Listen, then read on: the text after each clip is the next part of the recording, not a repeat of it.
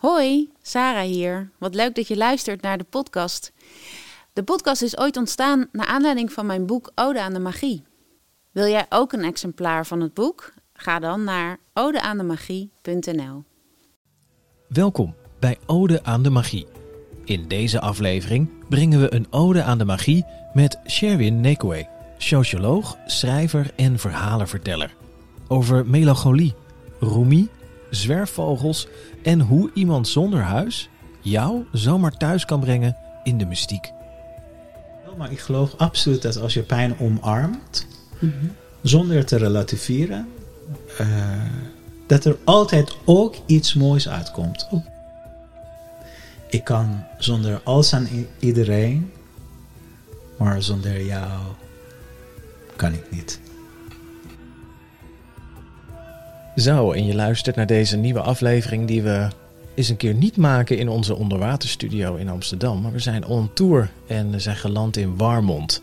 In een vakantiehuisje bij, eh, bij onze gast ehm, Sarah, koningin van de magie. We gaan eh, Sherwin eh, zo interviewen.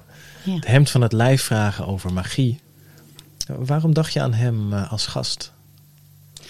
Nou, dat is een magische ontmoeting geweest. Ehm, ik stond ergens in een, in een parkeerplaats te wachten op mijn collega Sven. En die was ietsjes later. En toen opende ik mijn LinkedIn. En toen zag ik daar een gevallen engel. Er was een post op LinkedIn eh, van Shervin. En ehm, hij zag hoe prachtig het was dat de boom was omgevallen. En ook al nou, sterft er dan iets, komt er iets heel moois tevoorschijn, namelijk deze engel. Dus ik heb dat. Letterlijk, eh, hoe was dat? Een engel? Of Het was een foto van een, van een omgevallen boom. Ja, En dat was een. nou het evenbeeld van een, van een gevallen engel. oh right. Heel ja. prachtig. Het hout was zo eh, Ja. gevormd. En ehm, ik heb daar een repost van gedaan, want dat was de essentie voor mij, wat magie is. Dat zelfs als iets naars gebeurt, dat je dat op een andere manier kan kijken. En dat er een ander perspectief op komt. En zo raakten we eigenlijk aan de praat. En toen kreeg ik steeds in, in de kleine beetjes kreeg ik te zien hoe magisch Sherwin is. En toen dacht ik, maar die moet in de podcast, want dit is... Nou, ik werd er heel enthousiast van. Eigenlijk, ik zei tegen Sven, dit wordt mijn nieuwe beste vriend op het gebied van magie. dat is de eerlijke versie. Nou, Ja. Sherwin, fijn dat we hier te gast mogen zijn. Ja, en nu li- eh, liet eh, Sarah de lat heel hoog eh, liggen natuurlijk. nee, Dus, dat eh, is niet de bedoeling. Ik, eh, ja, Hoe nee. magisch is Sherwin? Ja. Ja. Nou, hoe bereid ben je om het onderzoek aan te gaan in de magie? Dus je hoeft niks te bewijzen. Ik, wij, zijn, wij zijn hier vanuit nieuwsgierigheid en eigenlijk de liefde voor magie, om die te delen met elkaar. Dus ik, ja, ik ben eh, heel erg benieuwd naar wat is magie voor jou? Ja. Nou, voor mij was het ook heel erg wonderbaarlijk, onze ontmoeting zo eh, op virtuele wereld. Naar aanleiding van dat eh, gevallen engel, de geknakte boom. Dat het zo aankwam bij je. Ja. Dat, dat is iets dat voor mij is het echt een hele reis geweest om te zien wat pijn ook kan zijn. Hè? Want daar zit pijn in, in zo'n Ja. geknakte boom, in dat beeld. En ehm, dat je het zo herkende was ook een eh, gevoel van thuiskomen. Hmm. Dus dat was heel mooi. En ik heb niet zoveel hiervoor nagedacht over het woord magie voor wat ik vind in dat gevallen boom. Mhm. Of in alle gevallen bomen in de wereld. Of, of eh, eh, littekens op mijn hart of die van anderen. Ehm, dus ik moest even ook met jouw woorden kijken hiernaar. Ik ga zo vertellen hoe ik naar kijk. Ja, ja, zeker. En daar zat weer een kleine wonder in, want ehm, het woord magie hè, ehm, komt oorspronkelijk, als je etymologisch naar kijkt, de oorsprong van, komt uit het woord magiërs Mhm. en dat woord komt uit het woord mok. Dat is een oud-Persisch woord van uh, Zoroastrisme. De, uh, wat in het Westen in die tijd als vuuraanbieders werd gezien. De priesters van dat heilig vuur. Daar komt het woord magier vandaan. Ja. En uh, dat was voor mij heel wonderbaarlijk om daarbij stil te staan. Van hé, hey, dat woord komt uit, uit Perzië. Ja, mm. Waar mijn roots liggen. Ja, want dat is wat jij zei. Ja. Dan kom je mijn voorouders tegen. Ja, en niet zozeer om te beweren dat het dus persen en alleen recht hierop hebben. Maar, nee, dat... maar het, uh, het, het bracht me ergens bij dat essentie van wat is het dan? Mm -hmm. Wat is magie? Als we teruggaan naar dat oorsprong. Wat deden die um, priesters van vuurtempels? Want zo heten die tempels, de vuurtempels. Mm. Ze deden eigenlijk maar twee dingen in essentie. Mm -hmm. um, het vuur levend houden. Mhm. Mm -hmm. Dus er is ergens in Iran is dat juist ook nog steeds een vuur waar wordt beweerd dat het meer dan 2000 jaar oud is. Dat blijft altijd aan. Dat het niet dooft. Wow. Het vuur moet aanblijven. Mm. En, en de tweede was de ceremonies doen voor de, het gemeenschap rond dat vuur. Ja. En daar zit voor mij ergens misschien de essentie van wat, wat voor mij zou magie zijn. Het sta, in staat zijn om het vuur in onze harten niet te laten doven, Mm. levend te houden. En in staat zijn om ja, een kring, een hartkring maken rondom dat vuur. Dus ik begrijp dat je het hebt over het vuur aanhouden, dus de passie in het hart. En de kring daaromheen is die verbinding. Ja, absoluut. Want dat vuur, uh, wat mij betreft, symboliseert dat, dat, dat hart, de mens van het hart, de man of heart. En daar bedoel ik niet de mannen, maar de mens van het hart. Ja. Om, om ons daar te brengen. En zeker in deze tijd, denk ik dat bijvoorbeeld wat jij en Sven doen, dus heel erg uh, van waarde is.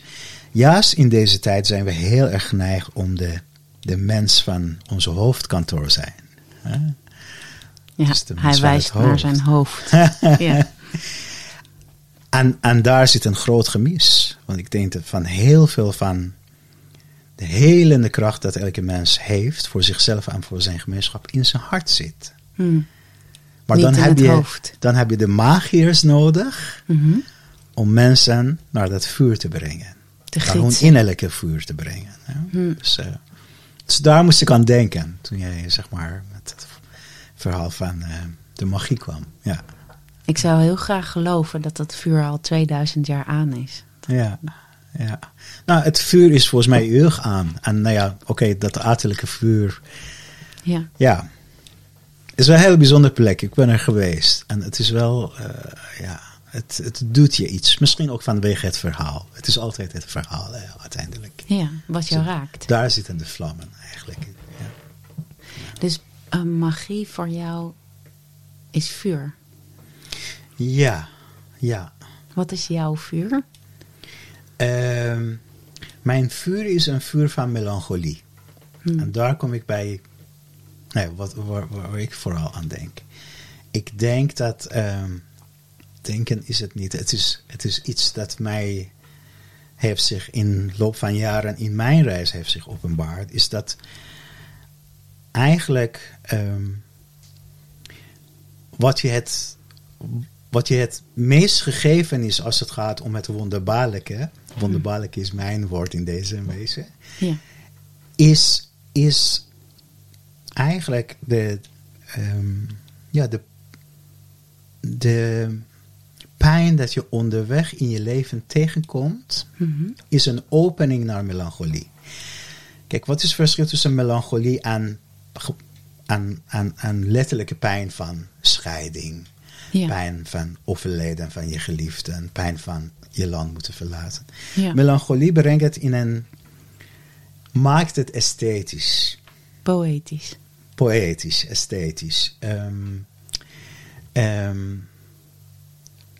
als je naar Portugese fados luistert. Dat is één en al melancholie. Ja. En de teksten gaan altijd over die man die de vrouw heeft verlaten of andersom.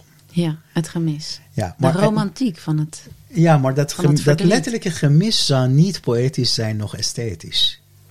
Nee. Het, het is meer gewoon delen van een bepaalde pijn. Maar, maar het gebeurt daar, er is een twist. Het Ja. gebeurt daar iets. Er maar komt dan wordt, er, wordt het de schoonheid van de kunst. Dus het wordt geïnspireerd door de pijn. Ik denk dat de, de eh, schoonheid van de kunst kan ook door andere dingen geïnspireerd worden. Maar ik denk dat, het, dat het daar is, daar in dat melancholie, Mhm. ligt de, misschien de grootste bron van verbinding. Hoe, hoe zie je dat? Ik denk dat dat de taal, de, de ultieme taal van het hart is, Mhm. die tot het hart komt.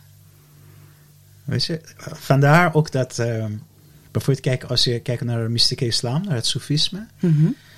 Daar, daar kom ik een beetje vandaan. Dan zie je die Sufi mystici die eh, in de middeleeuwen, en dat was de bloei van mystiek islam, die schrijven bijna alles in verzen. Ze hadden ook gewone boeken, maar ze schreven alles in verzen, omdat ze het gevoel hadden dat er in dat ritme en in dat harmonie en in dat schoonheid en in dat melancholische taal van poëzie, dat hun boodschap veel dieper doordrong tot mensen. Ja. Veel meer aansloot. Ja. En was het ook omdat ze. Ik had het idee dat ze het niet opschreven, maar dat het verzen waren. omdat ze het alleen mondeling doorgaven. Nee, Nee? nee, niet per se. Kijk, Ook als je kijkt bijvoorbeeld naar Rumi, hè, 13e eeuw, nou, Ja. zijn gewoon, die boeken zijn er gewoon.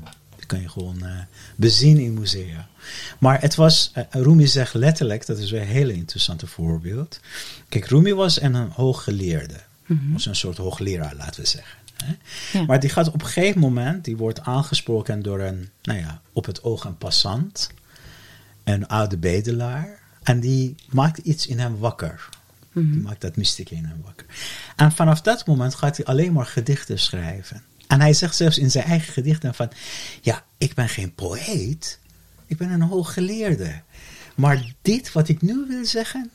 kan alleen met poëzie. Hmm. Dus dat is, dat is het vuur van melancholie. En Rumi is misschien, misschien nou ja, de meest duidelijke ontdekker van dat vuur. Vandaar zit er, dat, dat is niet gejammer. Dat is iets dat, je, je- dat brand kan stichten. Hmm. In goede zin van het woord. Ja. Die kan je in de vuur en vlam meenemen. Als ik in staat ben om dat te brengen, dan kom ik tot de meest ultieme verbinding met mezelf, met de anderen. Herken jij jezelf in hem? Ik ben heel erg door hem geïnspireerd. Ja? En nog meer dan door zijn poëzie, ik ben heel erg door zijn levensverhaal geïnspireerd. Wat inspireerde jou zo? Ehm nou, Rumi was ehm, om te beginnen een vluchteling Mhm. uit het huidige Afghanistan. En hij heeft de eerste 30 jaar van zijn leven heel erg, heel erg zijn best gedaan om de wereld te duiden. Met zijn cognitie, met zijn verstand, met zijn logica. Ja. Ehm, maar diep van binnen had hij veel meer liefde voor dat ja, wonderbaarlijke, magische, onnoembare, die zeker niet in de taal van logica te benoemen is. Ehm, maar hij durfde niet. Hij was, hij was die hooggeleerde. Daar gaat een bepaalde verwachting mee samen. Ja. En Hoe dan je is magie niet, niet is een taboe. Nou ja, kijk, kijk naar onze professors. Die gaan ook niet midden op straat eh, wervelen en dansen en eh, gedichten bezingen. Toch? Hè? Het hoort, bij die rol hoort een bepaalde Maar ook in de 13e eeuw niet. Ook in 13e eeuw niet. Wauw. Ja. Nog steeds niet doorbroken, dat taboe. Nee, ja. Nou, mensen denken heel graag in hokjes. Dus je bent hoogleraar, je gaat het zo doen en je gaat zo je gedragen. Ja.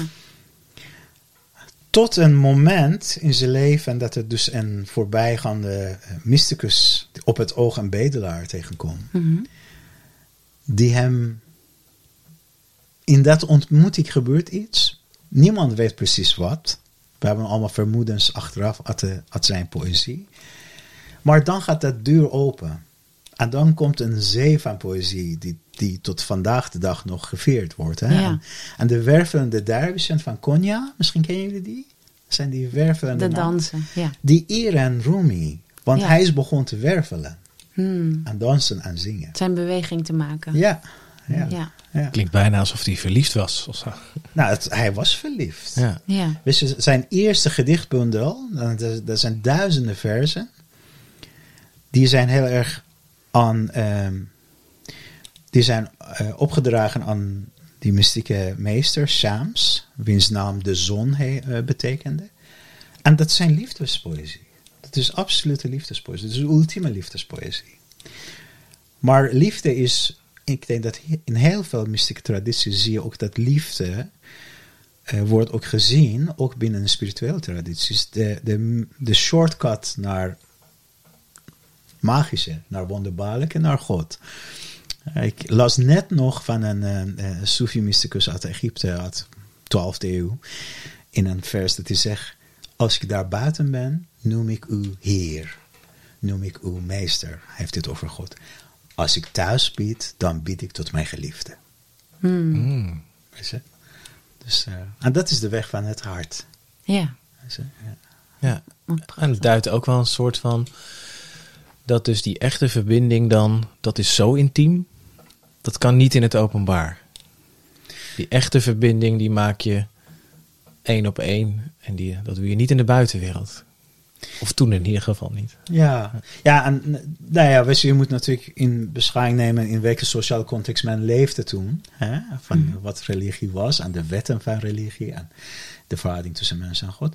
Maar ik denk nog steeds, uiteindelijk de meest intense verbinding tot dat magische is ook ergens heel erg, ja, heeft iets, een, het is een geheim bijna. Ja. En onnoembaar bijna. Ja. Weet je, En Is, is magie in jouw leven ook een taboe geweest? Want nu praat je daar heel makkelijk over. Ja, ik, ik heb wel echt. ehm, zeker de eerste tien jaar in Nederland. Ik kwam in, op mijn twintigste in Nederland aan. Mhm. Ehm, heel erg mij gericht op de klassieke weg van een immigrant. Overleven, goed je best doen. En, en dat was heel erg gericht op carrière. En eh, dat in mijn geval was het een wetenschappelijke carrière. Eerste tien jaar. Proberen op te bouwen. Ja. En dan was er geen, voor mijn gevoel, geen ruimte voor poëzie. Laten staan magie. Hmm. Maar ik kan het niet lang volhouden, want ik ben van kinds af aan een, een hele dromerige kind geweest. Dus ik las je boek en ik moest ook heel erg denken aan dat kind die, hè, Ja. dat jij was en die eh, ja, in een misschien nog grotere wereld leefde dan letterlijk de wereld om zich heen, maar de wereld van dromen en, en fantasieën. Ja. Ja. En toen kwam je in Nederland en toen heb je de magie even opzij gezet. Ja, even in overlevingstoestand, Ja, denk letterlijk. ik. Hè? Maar, maar uiteindelijk, juist om het te overleven, want ik, ik werd op een gegeven moment, nou ja, niet zo gelukkig en eh, ook misschien ziek daaronder. Je werd Want- ziek van dat je de magie niet toeliet. Eh, Ja, en in het bijzonder ehm één keer per jaar, rond deze tijd, dat is ook weer heel magisch, rond, letterlijk rond deze tijd, want rond deze tijd is mijn moeder eh, gestorven, op heel jonge leeftijd. Hmm. Net toen ik pas in eh, Iran was, dus ik kon, ben, heb haar niet kunnen meemaken. En tien jaar lang, rond deze tijd, werd ik ziek. Hmm. Rond de tijd dat je moeder stierf. Ja, ja, ja. Echt gewoon koorts, alles, gewoon lichamelijke, somatische dingen. Hmm. En, en mijn moeder was zelf een Soefi, dus ze zat de laatste tien jaar van haar leven in mystieke islam. En ehm, heeft ook ons mee, veel meegegeven. En nou ja, dat was toch ook een beetje aanleiding. Dat was een boodschap. Had je het door gedurende al die jaren dat dat kwam door het wegdoen van de magie of, of wat zij bracht, je moeder? Nee, heel lang niet, maar langzaam, maar zeker wel. Ja. Elk jaar moest zich opbouwen totdat je dat Ja. herkende. En hoe herkende je dat opeens? Of hoe heb je... ja, het is niet opeens gegaan. Het is geleidelijk gegaan, denk ik. Ja. En ehm, ja, ook door wonderbaarlijke ontmoetingen. Weet je? ehm, Werd je daar wakker in? Was, Ja. het, was het een bedelaar? er wa- was van alles. Het was het, was, het, was, hè, het was het verhaal van deze tijd tegelijkertijd. Dus dan, ik woonde in Rotterdam en dan kwam ik een flyer in de bibliotheek van Rotterdam tegen van een Nederlandse oma die les gaf in wervelen als dervischen van Konya, waar Rumi vandaan kwam. Ah. Ik zei, nou, ga ik hier naar kijken? Nou, ik ga gewoon naar kijken. En dat was gewoon heel schattig in een huisje in Vlaardingen. Out all places. Ja. en daar was een dame van bijna 60 die met heel veel liefde begon voor te dragen in het Nederlands uit Rumi's gedichten. Hmm. En toen ging ik vertellen wat wervelen nou is. Welke beweging maak je naar de wereld en naar je hart. En ik was verkocht. ja. En ik werd een leerling. Je werd een leerling van een Nederlandse dame. Uit Vlaardingen. Hè? Uit Vlaardingen. Precies. Ja. Ja. En zij leerde jou over jouw cultuur. Nou, zij zette die deur dat ik dicht had gedaan open. Ja. Weet je? En, en, en via haar kwam ik contact tot een ehm, Iraanse eh, mysticus die hier in ballingschap was. Want het Soefisme is in huidige Iran verboden. Hm. Het islamitische regime houdt helemaal niet van de mystieke kant van. Dus Nee. hij was hier in Rotterdam in ballingschap. Ik wist het niet. Deze Nederlandse oma uit Vlaardingen wel. Ja. En die bracht me met hem in contact. En hij werd later mijn eh, nou, mystieke gids. Voor, eh, ja, ik heb, ik heb hem 15 jaar meegemaakt. De laatste 7 jaar als zijn leerling. Wauw. Dus zo, ja, dat soort... Toen ging de poort weer open. Ja, dat soort dingen. Ja. En op een gegeven moment werd je niet meer ziek rond deze tijd van het jaar. Nee, nee. Maar ik, ik sta er ook bij stil. Dus ik weet wat ik ook moet doen en wat ik moet toelaten. En, eh, ja, ja. Daar ruimte voor maken. ja, en de ruimte maken voor de tranen die daarbij horen. En, en het vieren van het verleden, maar ook mogen, hè, mogen eh, de melancholie omarmen. Ja, Ja. ja. En, dat, en de pijn. Die, En de pijn, ja. Kijk, ja. Kijk, melancholie is inherent aan pijn. Dus je kan, niet, je kan dat niet overslaan en zeggen van nou, je gaat nu een mooi gedichtje hierover schrijven. Dat gedicht, hè, of dat zang, of dat dans, of dat kunst, want melancholie is per definitie iets esthetisch.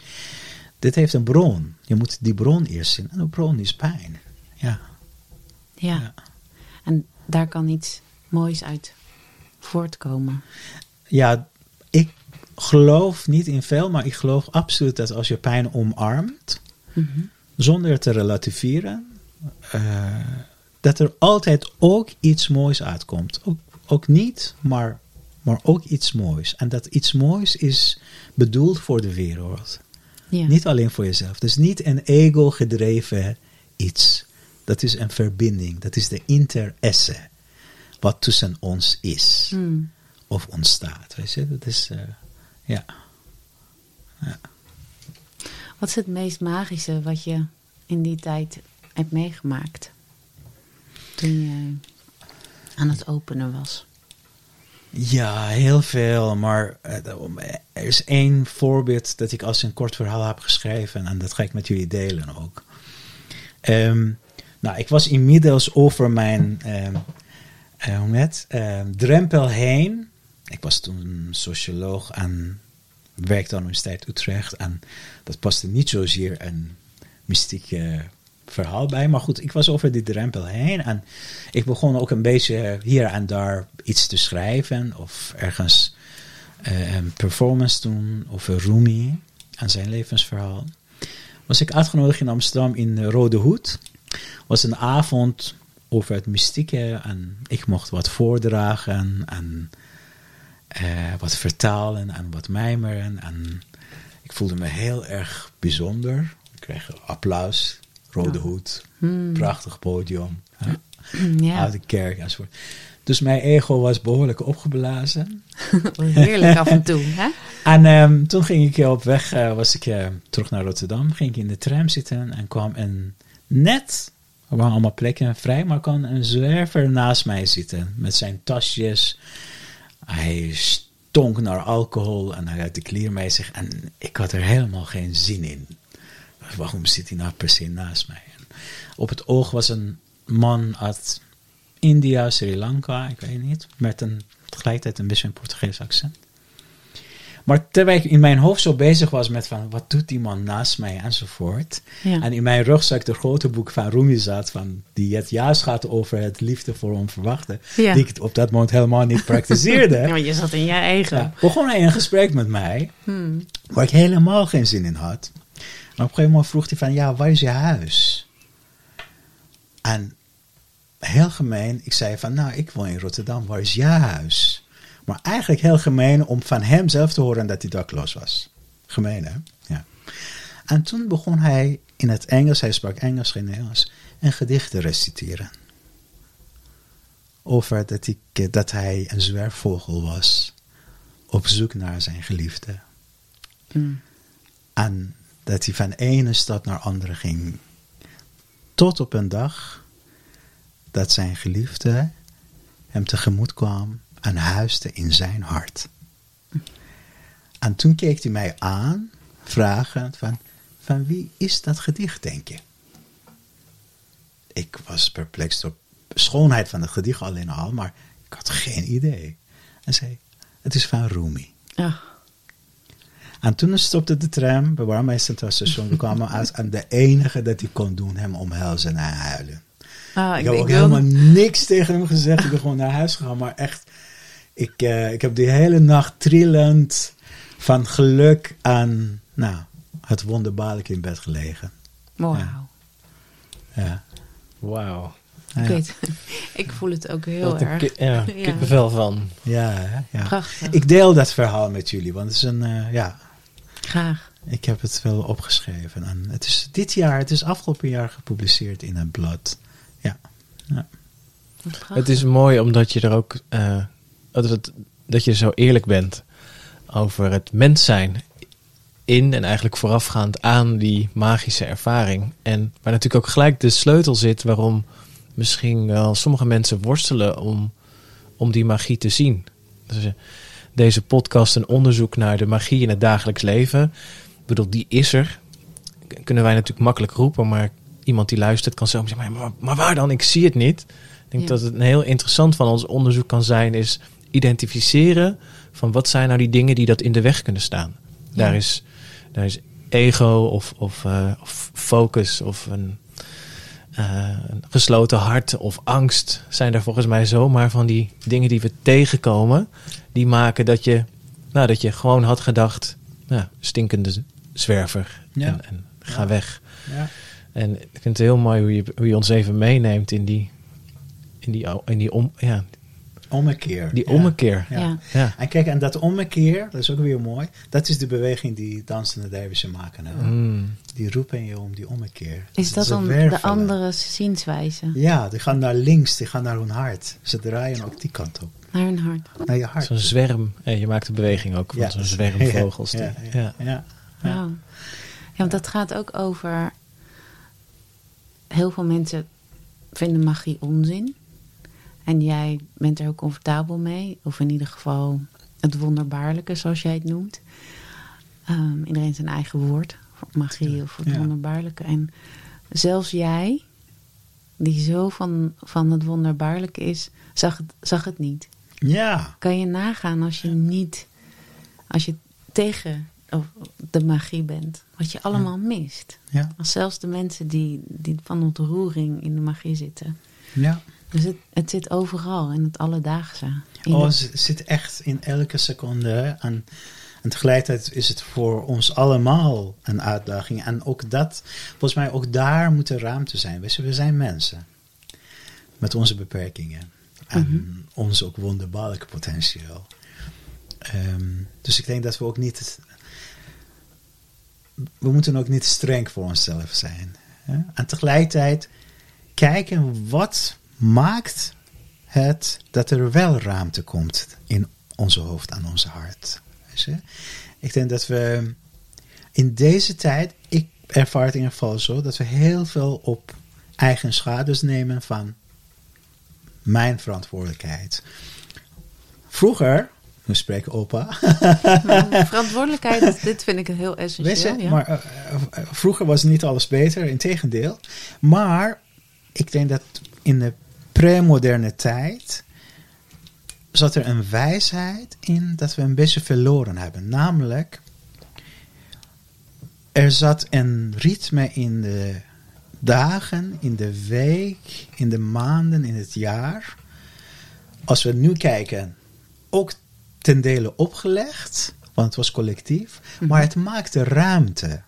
Weet je, het maakt mij niet uit of je zaterdag de Shabbat doet, of vrijdag naar de moskee gaat, of zondag naar de kerk. Maar, en dat zie je ook buiten deze religie, zie je die ritme. In de week zat een ritme waarin je één dag per week iets anders deed dan wat je dagelijks deed. Daar was gewoon ruimte voor. Nou, in die tijd, in de term van de rest was verboden, oké, dat, dat past niet bij ons, maar de wijsheid was, er, er werd ruimte gemaakt. Ja, dus je, je zegt Letterlijk en ritme, figuurlijk. maar ik, ik Ja. hoor ook helemaal rituelen. Ja, ritme, ritueel en ruimte. Die Ja. drie R'en Ja, hebben absoluut met elkaar te maken. Want ja, dat deed je dan, bepaalde activiteiten, bepaalde ceremonies, op een bepaalde plek. ja, En op bepaalde uren van de dag. En op Ja. bepaalde dagen van de week. Daar zit ritme ook in. hmm, Om een bepaald ritueel in bepaalde ruimte te doen. Dat zijn we kwijt. ja, je, dat zijn we kwijt.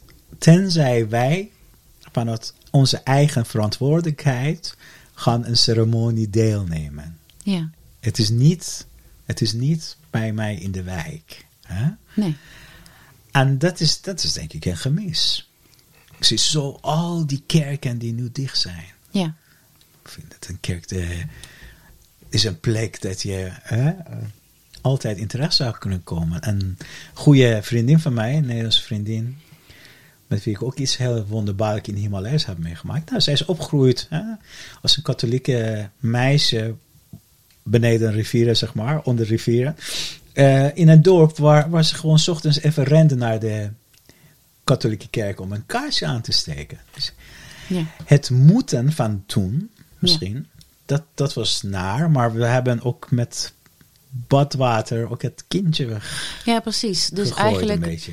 We, zijn tegen de godsdienstigheid geworden. Ja. Ik moet Ja, de dienstbaarheid aan God en ik moet doen naar Gods evenbeeld. ja. Maar daarmee ook de religie of de ceremonie weggedaan. Ja, en, en weet je, ik geloof meer van, kijk, je hebt de religie en je hebt al die eh, ritmes en ruimtes en rituelen. Die zijn niet hetzelfde Nee, voor mij. Weet je, voor mij ligt eh, essentie vooral in die drie R'en. ja, Eh, bij religie komt ook bepaalde wetten en bepaalde verplichtingen Ja, dat. enzovoort. Maar ehm, en, en het is heel goed te begrijpen dat wij als moderne individuen daar nou, eh, grotendeels van ons moeite mee hebben of dat niet meer willen. Maar we missen echt iets.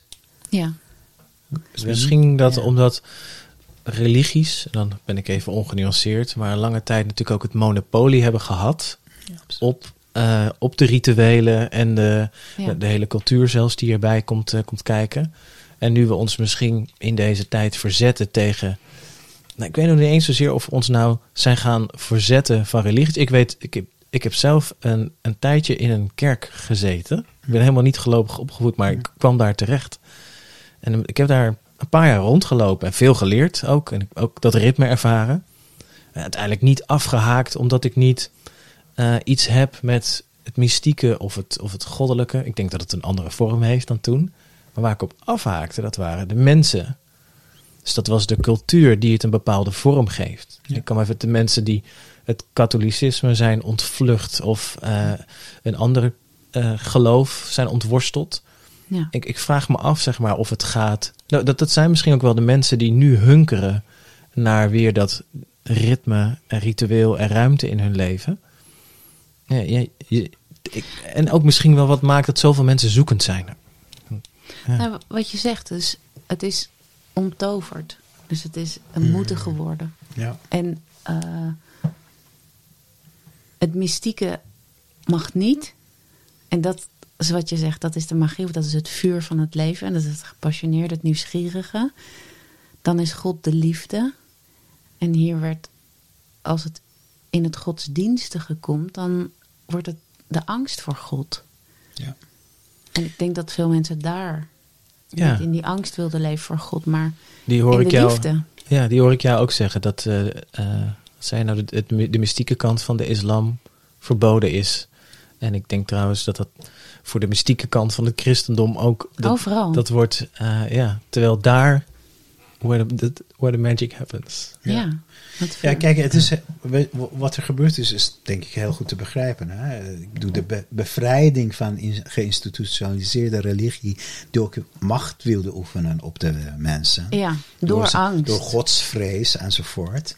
ik, ik ken het als geen andere, omdat in Iran zijn geïnstitutionaliseerde religie niet alleen een van de machtigen is. Ze zijn nu zelfs aan de macht, al 40 jaar politiek. Ja. En dat is verschrikkelijk, kan je je vertellen. Ja. Uh, dus, dus ik snap wel dat op een gegeven moment de, hè, de, de mens heeft zich bevrijd van die, hè, van, van die uh, dwang. Uh, van die dwangbuis. Maar we zijn ergens ook dakloos geworden.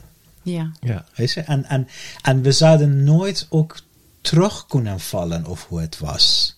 Dus ik bedoel ook niet van we moeten allemaal weer terug naar uh, uh, zondag dit of uh, Shabbat dat of vrijdag dit. Ja. Um, maar ik merk wel dat er echt een gemis is.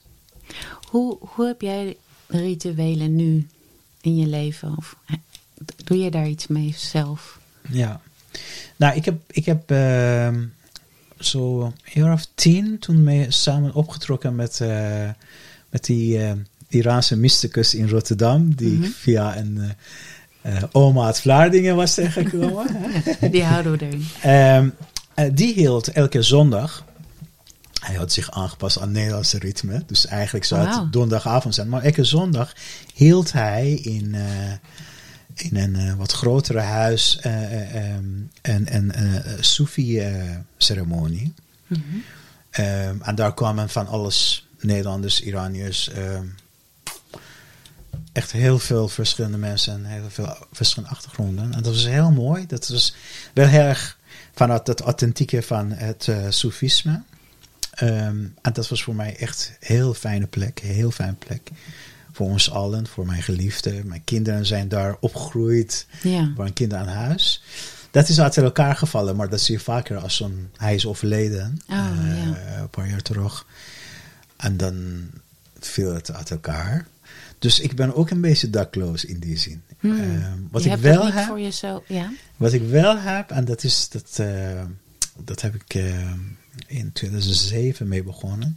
Ik organiseer een mystiekfestival, mm -hmm. waarbij ik mee ben begonnen. Waar ik ooit in uh, Indiase Himalaya's in een Tibetaanse monasterie um, ben heel erg geïnspireerd geraakt op het feit dat ze één keer per maand de hele dag mantra doen. Hmm. Er komt soep voorbij, er komt thee voorbij, maar ze zitten en doen mantra. En, en ik was er een keer bij en ik moest op een gegeven moment door vrienden weggesleept worden, maar ik wilde gewoon, ik wilde gewoon daar alleen blijven. En toen had ik zo, zoiets wil ik ook in Nederland. En wat, wat, greep jou zo? Waarom wilde je daar blijven? Weet je, omdat het, het alle franjes van was weggevallen en het was alleen, je hoefde alleen, je hoefde niks te doen. Je ging gewoon mee met muzici die mantra's begeleiden en je zong gewoon mee. Hmm. En er kwam thee voorbij en er kwam soep voorbij en af en toe maakte je degene, de, de monnik die naast je zat ook een grapje met je. Maar het was de ultieme, zeg maar, hoe zou ik het zeggen? Thuis zijn in mystiek zonder moeilijk te doen. Ik kan het zeggen, dan was je niet dakloos. Nee, absoluut niet. Nee. En toen, toen ben ik 2007 een muziekfestival hier begonnen met allemaal muzici, artiesten die dit snappen. Mm -hmm. En dat is voor mij echt, dat is het mooiste moment van het jaar voor mij. De laatste twee jaar niet, vanwege corona. Ja. Maar dat is echt het mooiste moment. Het is kleinschalig, komen 250 mensen op af. Waar zeker 100 goede kennissen zijn en een stuk of 30, 40 gewoon vrienden. Maar en met heel veel muzici die dit snappen. Dus ze komen niet voor applaus. Mm -hmm. Ze komen ook niet om hun kunstje te laten zien. Of hun kunst, met respect moet ik zeggen. Maar om, om mij te helpen om in die, die dag. En ik comp componeer bijna die dag op een manier dat je, dat je, dat je in de, eb en vloed meemaakt. Hmm. Dat, je, dat je in verstilling raakt met bepaalde muziek en met de anderen samen in extase. En de hele dag door. En het is 12 uur en we zijn allemaal een en half vulkaan. Niemand wil stoppen. Dus ik moet mensen eruit schoppen. dat is een van de momenten, momenten dat ik spiritueel heel erg thuis ben. Dus dat ritme is nu eens per jaar geworden. Ja, en daarnaast wat, er, wat mij heel veel brengt. Ik ga het aanstaande vrijdag weer doen met mijn uh, geliefde. Zij speelt Persische luid en ze zingt uh, poëzie van onder andere Rumi.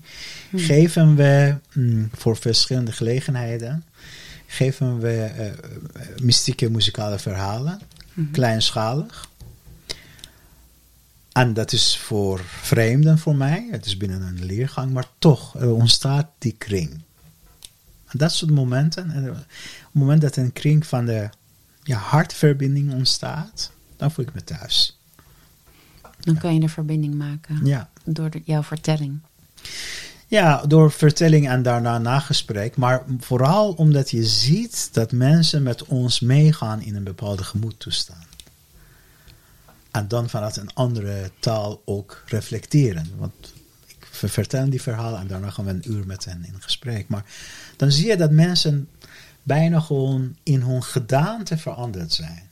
In hun oogopslag veranderd zijn. En ook andere vragen komen. Of andere kwetsbaarheid op tafel komt. Die er in het begin niet is. We geven het heel vaak ook bij, nou ja, toch een beetje, het is een uh, topsegment om het zo te zeggen. Mhm. En dan zie je dat mensen die hebben voor ons op die dag en de ene hoogleraar gaat en daarna een belangrijke directeur als ze spreken. En dan komen wij binnen en dan in hun blik is iets van, nou hier komt exotica een beetje tussendoor. Ehm, dat voel je? Dat voel ik. Van nou, interessant, uh, even iets, uh, een intermezzo. Mm. Maar nadat het, nou, we maken een ritueel van dit verhaal, hoe we het uh, doen. En daarna is het nagesprek. En die nagesprek is een uur. Maar meestal willen ze ons niet laten gaan meer. Dat is een beetje een rode draad.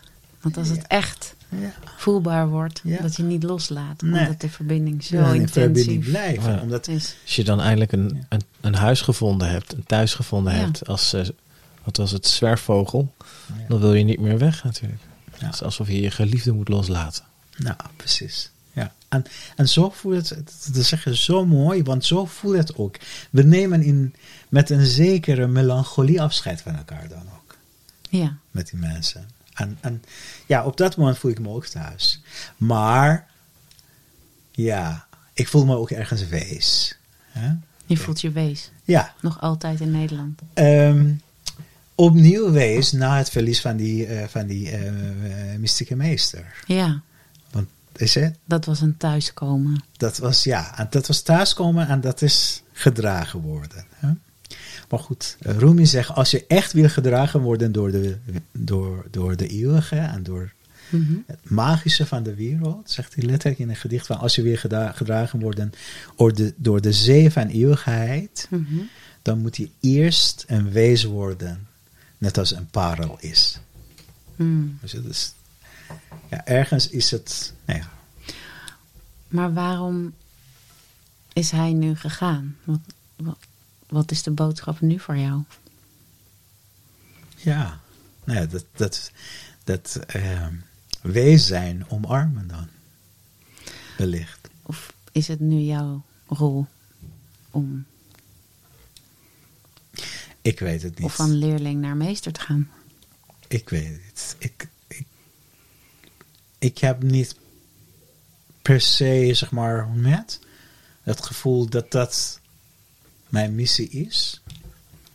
Of mijn kunnen is. En ik denk dat, dat, dat er ook verschillende wegen zijn om, om iets met dat mystieke of dat magische te doen. hè? Zeker, ja. Weet je, de, de, die, die leermeester van ehm, Rumi, Mhm. die dulde helemaal geen enkele leerling. Iedereen die in die tijd is het geschrift geschreven over hem, vond hem een enorm felle, zagrijnige oude man. En hij zelf, hij heeft eh, ook gedichten geschreven, en hij schreef ergens dat hij ooit tot de God had gebeden van, God, vind voor mij een metgezel die mij verdragen kan. Oh ja. En de enige die hem verdragen kon was Rumi. Hmm. Maar niet de minste dus dan meteen. Ja. Dus, eh, dus hij, hij had het helemaal niet in zich om een gemeenschap te Nee. dragen. Of, eh, Nou, dat betekent ook Ja. niet dat je in zijn rol hoeft te stappen, dat bedoel ik niet. Maar als je wordt vrijgemaakt van de, van de meester, Ja, ja, ehm, ja. is, is er dan een andere meester die heeft zich nog niet aangediend? Of heb je zelf ja. jezelf te begeleiden? Ja, Of- dat moet de tijd ons, dat Ja. kan- gaat de tijd ons leren. Maar het is absoluut, eh, net als bijna alle mystieke tradities, is in het Soefisme ook de ultieme doel van de meester om verdwijnen uit je weg. Want ook de meester, en dit zijn ook woorden van mijn eigen meester, die kan ook jou in de weg staan op een gegeven Precies. moment. Je moet Ja, ook weten wanneer je stopt. Ja. Ja, Maar ja, het doet wel pijn. ja. Maar dat En is die dus- pijn moet ja. ik leren te bezingen. Ik heb wel eens gehoord dat het in principe het verhaal van, van Jezus ook daarop gebaseerd is. Of dat die symboliek er ook in zit. Van dat je je achter iemand aan kan, kan gaan. En, eh, maar dat het, eh, al- als een meester, als een rabbi. Ja. eh, maar dat die uiteindelijk er niet meer is. En, en dan... De dood van de leermeester. De- ja, Ja. ja, Het Ja. weerspiegelt ook het proces in jezelf. Ja, het is mooi dat we hier komen. Ja. Want er is een. Ik wil al nog lang heb ik eh, voornemen om iets te schrijven met de titel Verlaten als ultieme daad van liefde. Ja, Weet je? En ik denk.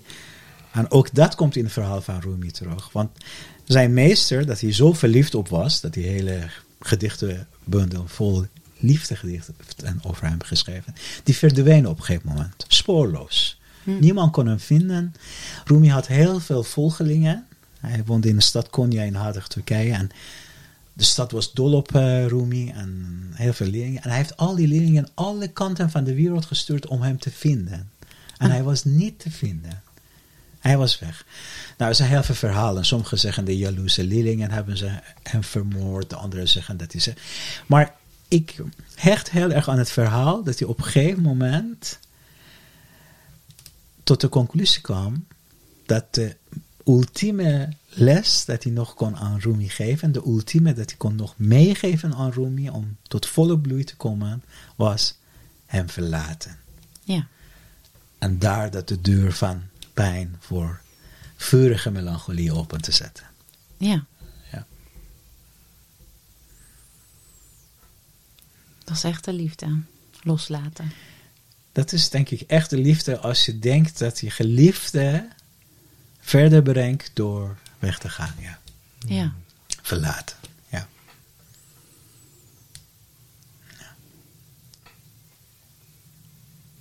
ja. En soms doet de dood dat voor je en soms Ja. iemand. ja. Een of andere vorm van afscheid. Ja. Ja, Hoe neem jij magie eh, nu mee in je werk? Want eh, je een hele fancy titel, volgens mij. Inclusive, eh, wat was het? eh, eh, inclusiviteitsadviseur. Dan maar gewoon in het Nederlands. En, Ja. ehm, ja. ja. is dat één? Mag dat er zijn in jouw werk? Is er ruimte voor magie? Oh ja, ik, ik word, hoe ouder ik word, hoe staatmoediger ik word. Gelukkig. Dus ehm, Konden jullie maar de twinkel in zijn ogen zien. nee, weet je, kijk, ik ben van huis uit socioloog en heb veel over organisatiesociologie gedaan. En ik ben steeds meer, heb mezelf, nou, het heeft zich eigenlijk openbaard. Ik heb het niet eens geleerd. Om dat te, te, te zeg maar, verweven met wat, wat ik vanuit het mystieke eh, voel en ervaar ehm, over de, het belang van het hart en het wonderbaarlijke en het magische en de verbeeldingskracht en verbindingkracht die daar zit. En er is wonder boven wonder. Er is ook steeds meer mensen die daar om vragen. Ja, gaat steeds meer open. Ik heb eh, onlangs bij van het ministerie van Economische Zaken een maand van verbinding openen. Online. En ik heb eerste vijf minuten een hartritueel met ze gedaan. En niemand die piepste, niemand, niemand die, die ze klaagde, maar iedereen was juist was wel een enthousiast over lezing, maar vooral over dat. Wat is Dat een hart ritueel? Ja, het is heel eenvoudig. Dat kunnen we gewoon doen, denk ik. Dus eh, leg je rechterhand op je hart. Mhm. En leg je linkerhandpalm op je rechterhand. En eh, ga een beetje zonder jezelf pijn te doen, een beetje met je hoofd zakken richting je hart. En doe je ogen dicht.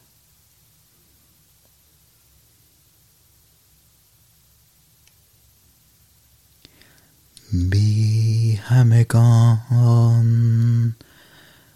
به سر شود. بی تو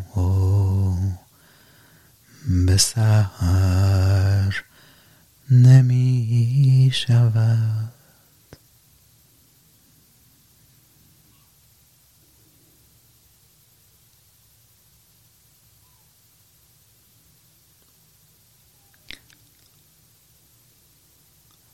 Doe je ogen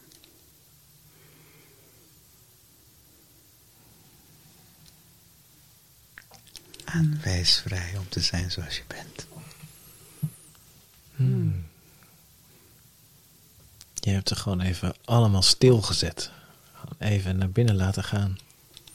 Voordat Ja. ze zich op de lezing die jij ging geven, die buiten zichzelf was, gingen focussen.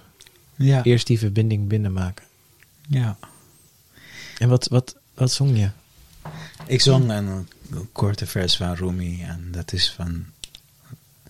Ik kan zonder alles aan iedereen, maar zonder jou kan ik niet. Hmm. Ik heb het heel erg ervaren als, eh, alsof het veel lichter werd in mijn hart. En ik voelde ook, ik ben mezelf aan het bezingen. Mm. Dus ik kan ook niet zonder mij. Ja. en jezelf en je, je, het hartelijke zelf. Ja, Ja. Ja. heel mooi. En ook eh, bijzonder hoe het zo snel binnenkomt. Want het is heel kort. Ja, het is alleen aandacht, hè? Ja, Het is eigenlijk alleen aandacht. Ja. Al moet ik zeggen, handpalmen hebben ook iets magisch. Weet je, als we pijn hebben, leggen we handpalm op eh, waar het pijn is. Hè? ja, En als we onze kinderen willen beschermen, dan. Dus er zit ook iets. Er zit, ja. Wat zit er in handpalm? Is dat energie? Of? ja, er zit in ieder geval. Ik, ik voel ze nu. Ik weet niet of jullie het nu Mhm. voelen, maar Zeker. ik, ik, er zijn vast ook hele goede wetenschappelijke verklaringen voor. Tot en met dat we bepaalde hormonen maken die naar handpalmen komen en rustgevend zijn. Mhm. Maar volgens mij gaat het niet daarom. Volgens mij gaat het om, ja, ook dat is symbool voor iets. Mhm. Van eh, hoe we, eh, waarom is bijvoorbeeld ambacht zo rustgevend? Dat tastzien, dat gevoel. Ja? En, en laat het nou een ambacht zijn om je eigen hart, Ja, om daarmee bezig te zijn. ja. Dus dit is heel ambachtelijk. Dat is de ambachtelijkheid van de zelfheling. Ja, ja, Mooi. ja. Ja, nee, je, je, je doet dat instinctief als ouder. Als je Ja. kind iets heeft, dan leg je je hand erop. Ja, ja. En bij je eigen pijn ook, hè? ja, ja. ja. Ja. Ik vind het mooi, want we hadden het over dat we, nou, we hebben met het kind, het ba- bad, nee, met het badwater het kind weggegooid. Er zijn een hoop rituelen kwijtgeraakt met de afstand die we nemen van culturen en de dogma's daaromheen. Dat eh, er blijkbaar is er wel ruimte voor. Want jij je zei, niemand piepte in die zaal waarin jij ja. Tientallen of honderden mensen even meeneemt in een hard eh, ritueel. Ehm, ik kan me zomaar voorstellen dat als je dat inderdaad meeneemt, dat, dat het ook een herinnering is. Dus dat we mensen herinneren aan, eh, dit, dit zit ergens in je. Dit deden je voorouderen misschien wel. En dit, los van geloof. Ik denk, want mm, het is een beetje, in elk geloof kom je volgens mij wel nog restanten van oeroude rituelen tegen die, gewoon die functie hebben. Ik vind dat woord herinneren heel mooi. ja. Ja. Ehm, er is ehm, een vers uit het Koran waarin er staat: herinner, herinner mij en in die herinnering zul je troost vinden. Maar wie is mij? Hè? Als je, als je Mhm. mystiek naar het goddelijke kijkt, dat mij, dat ben je ook weer jezelf. Maar je, die, die eeuwige zelf, je diepere zelf, je magische zelf. En volgens mij gaat het echt eh, om herinnering. En, en die herinnering is inderdaad volgens mij ouder dan welke religie dan ook. Weet je, ik geloof dat er eerst kampvuur was. Ja. Hè, aan het verhaal. Aan de trommel van de shamaan.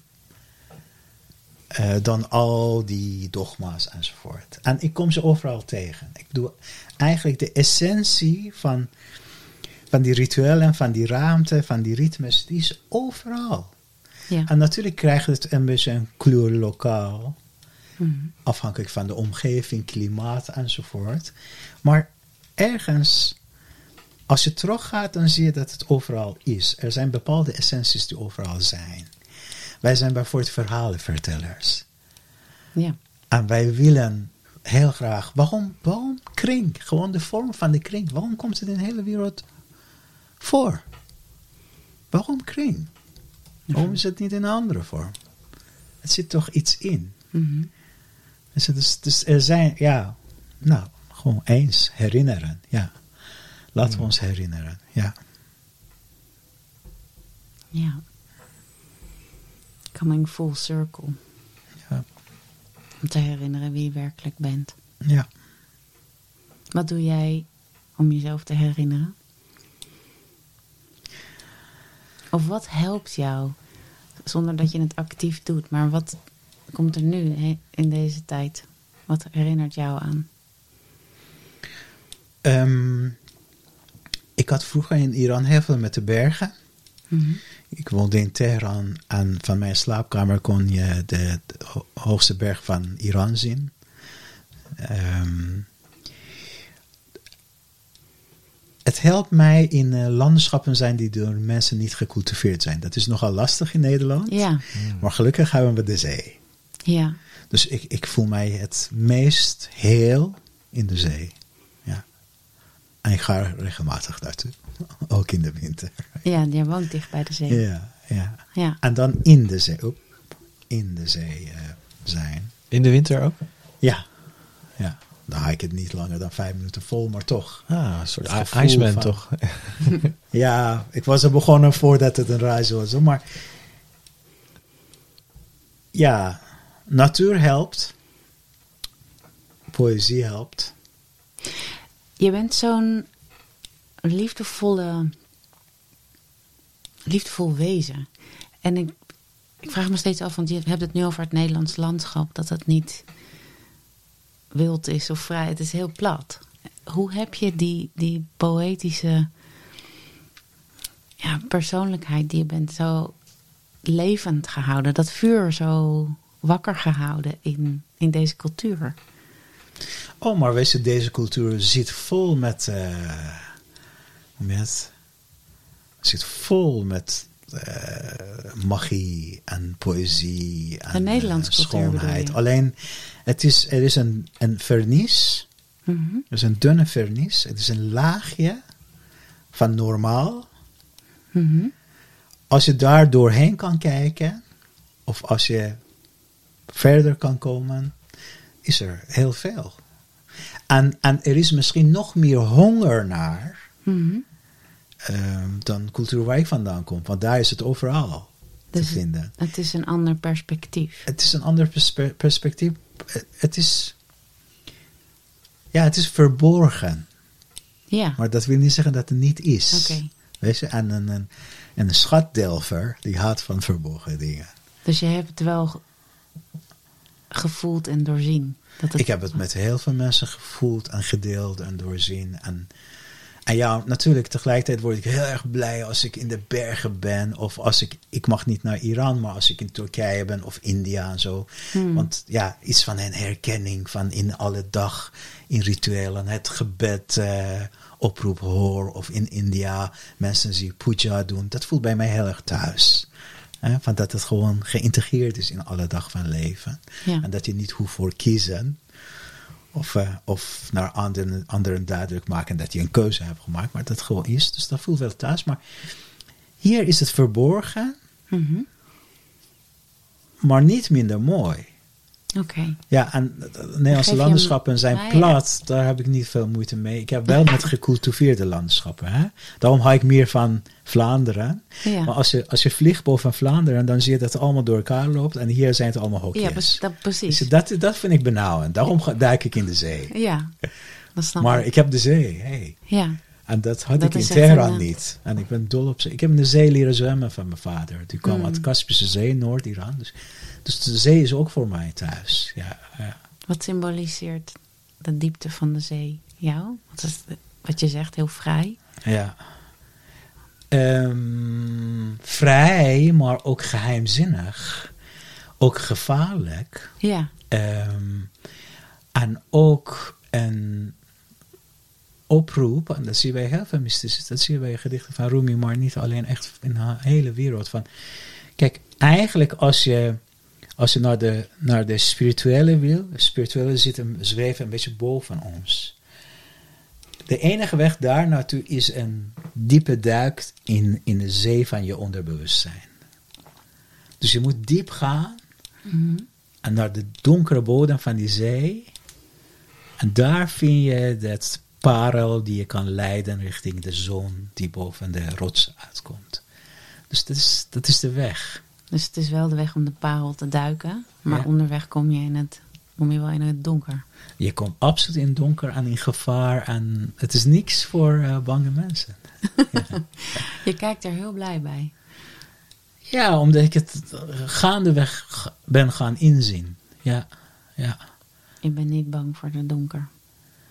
Oh, ik ben ook eh, op zijn tijd bang voor. Maar ja, ik weet dat daar ook de inzicht zit. Mm. Ja, Dankjewel dank jullie wel. voor dit inzicht. En jij bedankt voor het luisteren. En eh, ja, als deze podcast jou geïnspireerd heeft, zoals we dat eh, altijd vragen, hou hem dan niet voor jezelf. Deel hem met iemand die misschien ook wel op zoek is naar wat magie en melancholie in zijn leven. Je kunt je abonneren, ergens klikken in je favoriete podca- pod- podcast app, zodat je gewoon op de hoogte gesteld wordt als er weer een eh, nieuwe is. En er komen echt een paar pareltjes aan. Dankjewel voor het luisteren en tot de volgende.